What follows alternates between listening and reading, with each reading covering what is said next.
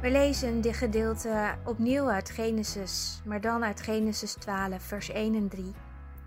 De Heere nu zei tegen Abram: Gaat u uit uw land, uit uw familiekring en uit het huis van uw vader naar het land dat ik u wijzen zal. Ik zal u tot een groot volk maken, u zegenen en uw naam groot maken, en u zult tot een zegen zijn.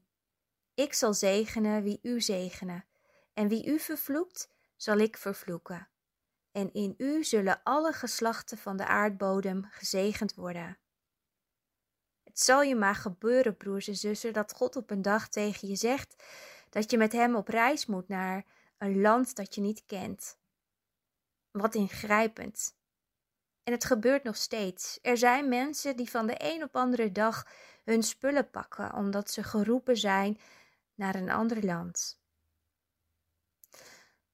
Terug naar Abraham.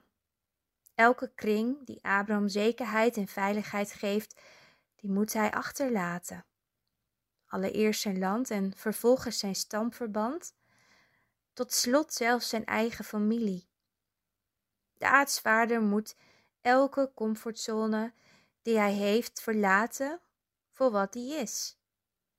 En waarom? Waarom vraagt God dat van hem? Omdat God zijn zekerheid en veiligheid wil worden. De God die zegent zal Abrams comfortzone zijn. En zo krijgt hij zijn leven, in zijn leven een hele onverwachte wending en een nieuwe horizon. Gods plan met deze aartsvader is uniek. Zoals Abraham en later Abraham is er maar één. De Heere sluit met hem een uniek verbond en geeft hem unieke beloften. Hij zal een nieuw land bewonen, tot een groot volk uitgroeien, een naam krijgen, gezegend worden en tot zegen zijn voor alle geslachten op aarde, omdat Gods zoon uit Abraham geboren is. Zijn al Gods kinderen hierdoor gezegend. Geldt het dan alleen voor Abraham? Nee, God heeft ook een plan met jouw leven. Hij roept ook jou op om met hem op reis te gaan.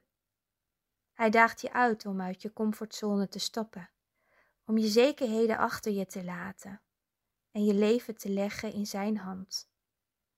En je mag weten, als je zijn roeping opvolgt en zijn plan instapt, dan zal hij jou zegenen en mag jij tot zegen zijn.